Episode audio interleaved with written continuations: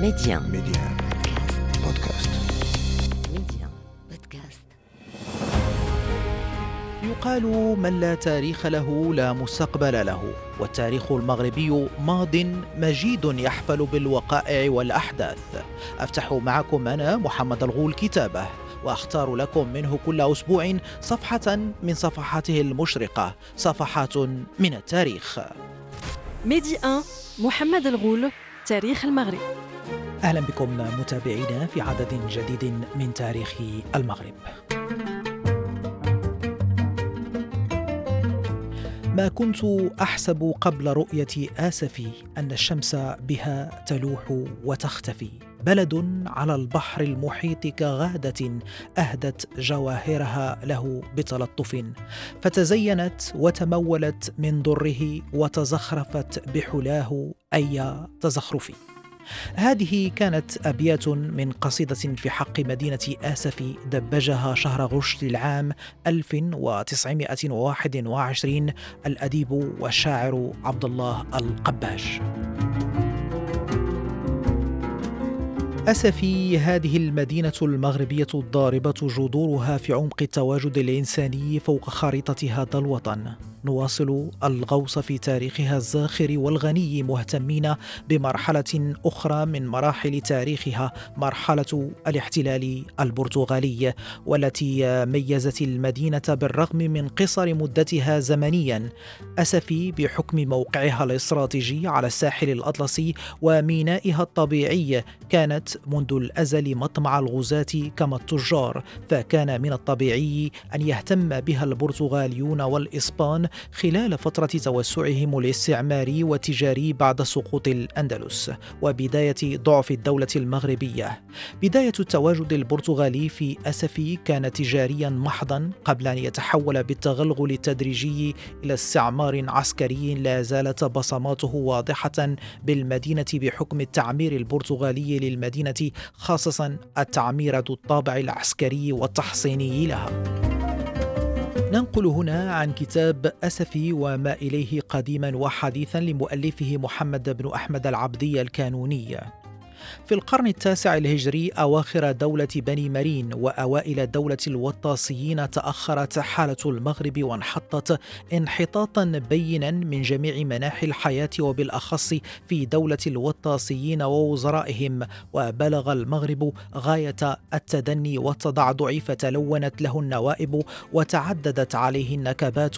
ذلك كله سوغ للبرتغال ولوج أبواب المغرب والاستيلاء على جل شواطئ شواطئه في ذلك الأوان المنحط كانت أسفي ترزح تحت عوامل التخريب والموت المعنوي ذلك من تنازع السلطات عليها. سلطة رؤساء أحزابها الذين اقتطعوها عن حكومة الوطاسيين ثم لم يقدروا على إدارة سياستها وإخضاع من بها وسلطة الوطاسيين الضعيفة وسلطة البرتغال المتسربة بواسطة الدسائس لرؤساء الأحزاب. فلم يسع آسفي إلا أن تسقط تحت البرتغال شهيدة بيد رؤساء أحزابها سنة 910 أو سنة 1912 بعد حروب شديدة.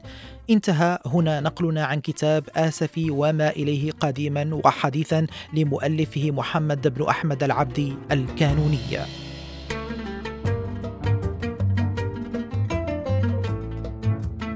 ورغم أهمية العامل التجاري في الاحتلال البرتغالي لأسف إلا أن هناك عوامل أخرى منها العامل الديني ويقول في هذا الإطار الكاتب أحمد بوشرب في كتابه دكالة والاستعمار الإسباني إلى سنة إخلاء آسف وآزمور. يقول لقد أعطى الإخباريون البرتغاليون المعاصرون لغزو المغرب وللكشوف زرور مثلا أهمية قصوى لهذا العامل أي العامل الديني وجعلوا منه المحرك الرئيسي الرئيسية وصار على نهجهم من درسوا موضوع الغزو قبل استغلال الوثائق البرتغالية أي قبل العقد الثالث من القرن الحالي. وهكذا رأوا في اكتشاف واستيطان الجزر الأطلسية الشمالية ماديرا والأصور والنزول على طول سواحل إفريقيا تتمة لحروب البرتغاليين بالمغرب واستراتيجية مقصودة تهدف إلى تطويق المغرب أولا.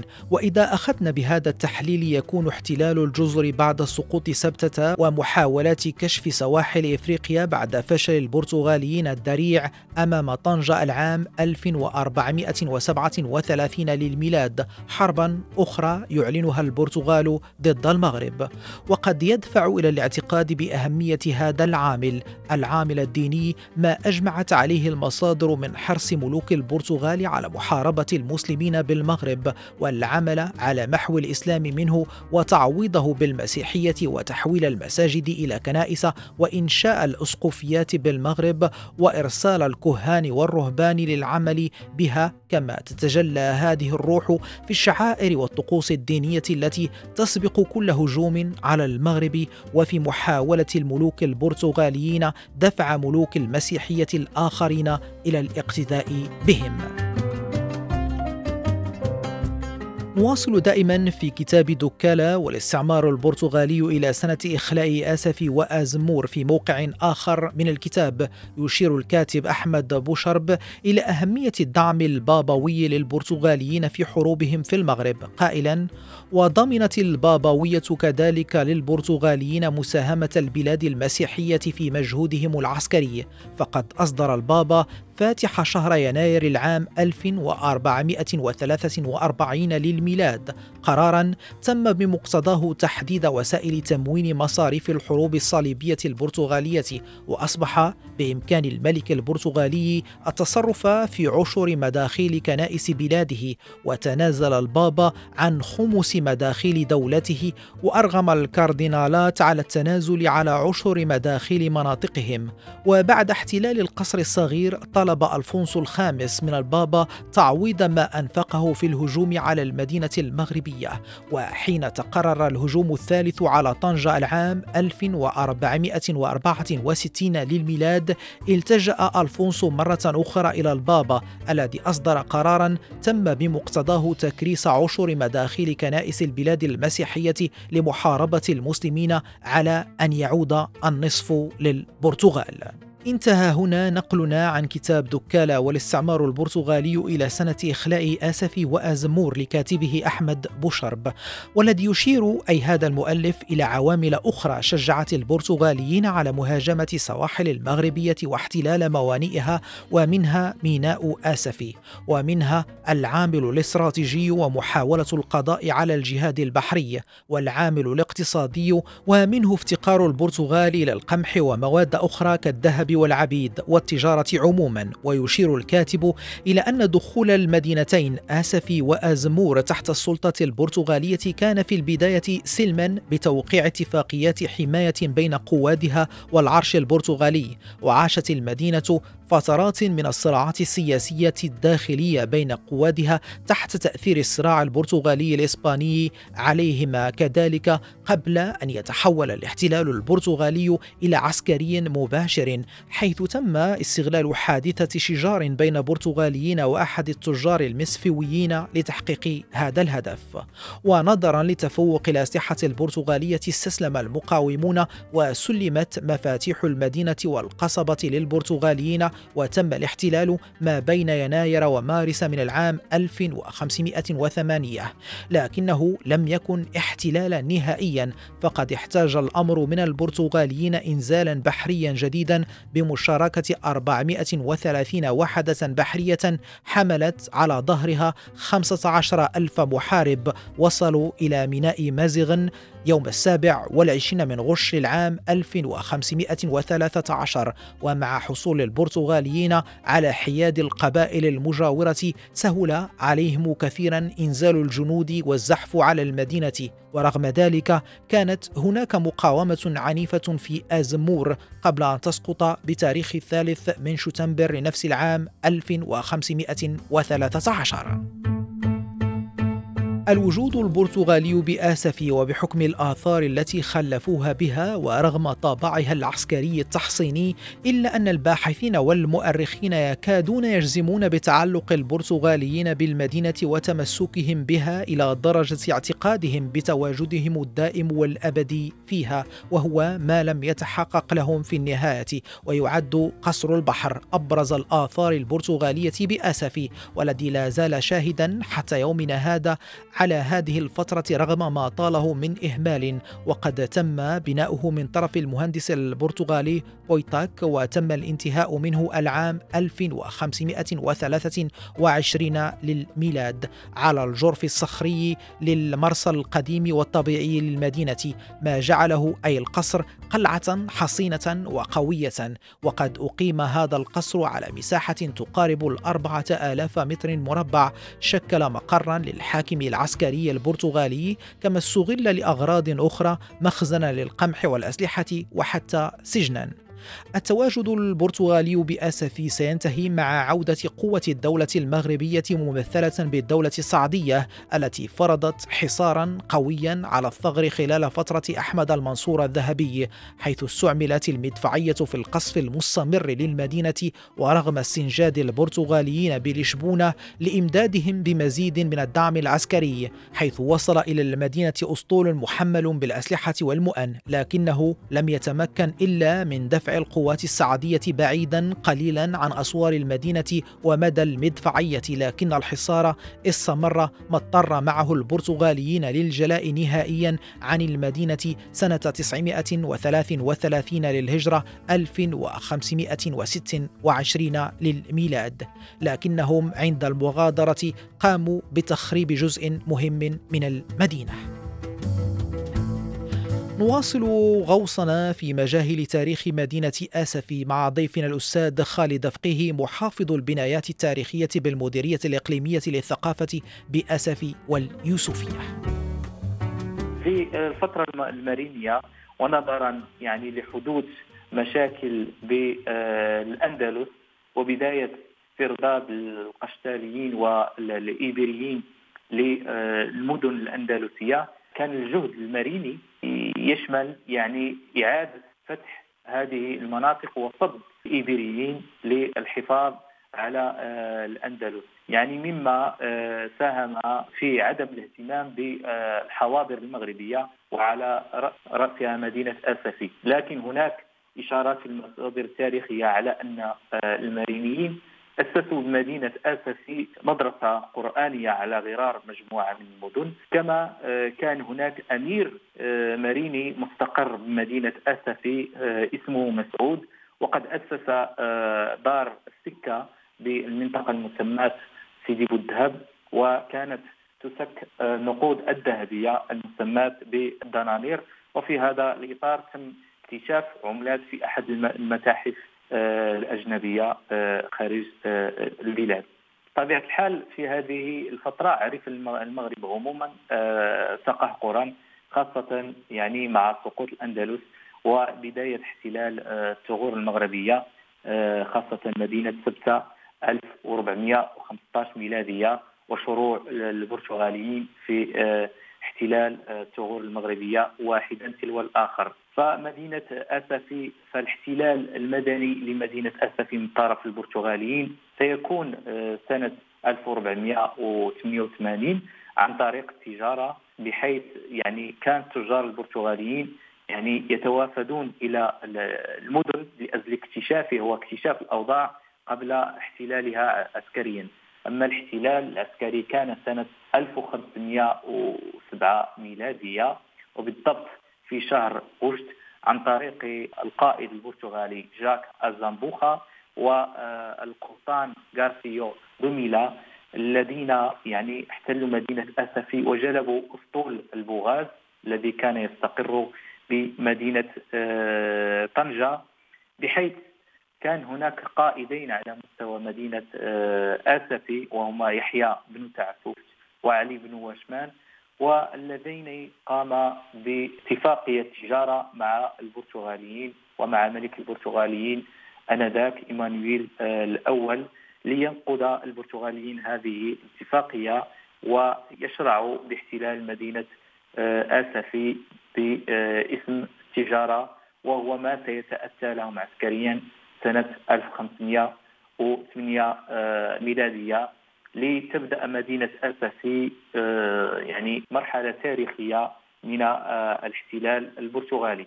أستاذ خالد المرحلة البرتغالية أثرت بشكل واضح في آه، المدينة فقد بقيت الآثار البرتغالية حاضرة آه، بالمدينة. إذا كان آه، ممكن أن نجمل بشكل مختصر كيف أثر الاحتلال البرتغالي في عمران مدينة أسفي تاريخ مدينة أسفي قديما وحاضرا أستاذ خالد؟ بطبيعة الحال في تلك الفترة يعني كان المسلمون بالضبط المرابطون والموحدون كانوا يحكمون آه، الجزيرة الإيبيرية انطلاقا من مدينة مراكش كونها عاصمة الخلافة آنذاك. البرتغاليون يعني وبدافع الغيظ وبدافع الانتقام كانوا قاموا باحتلال مجموعة من الثغور المغربية بحيث دمروا آه، البلاد واضطهدوا آه، العباد يعني وقاموا يعني بأخذهم كعبيد هناك معطيات أثرية معطيات في المصادر التاريخية تشير إلى إلى هذا الأمر بأنهم كانوا يهاجمون القرى وما حول مدينة آسفي. كما اسسوا آه، مراكز حول مدينة آسفي مثلا آه، بشمال مدينة آسفي بقصبة أيير. وجنوبها بحصن أدغوز الذي شيده البرتغاليون سنة 1523 ميلادية.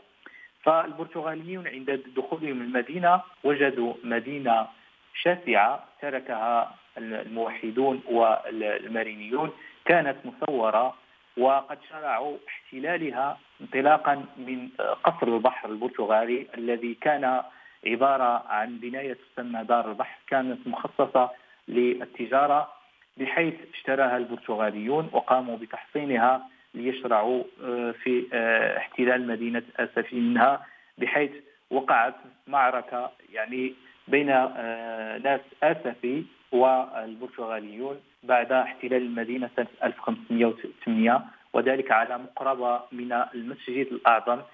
في هذا الأمر يعني قام البرتغاليون بتدمير المسجد الأعظم وبتدنيسه وبتنكيل بالعباد ومما جعل مجموعة من آه، العائلات الأسفية تغادر هذه المدينة وتتركها كما قاموا بتدمير رباط الشيخ أبو محمد صالح الرباط التاريخي الذي شيده هذا الرجل صالح في الفترة الموحدية وذلك من أجل تنظيم ركب الحجيج انطلاقا من مدينة آه، آسفي إلى آه، ديار آه، المكرمة.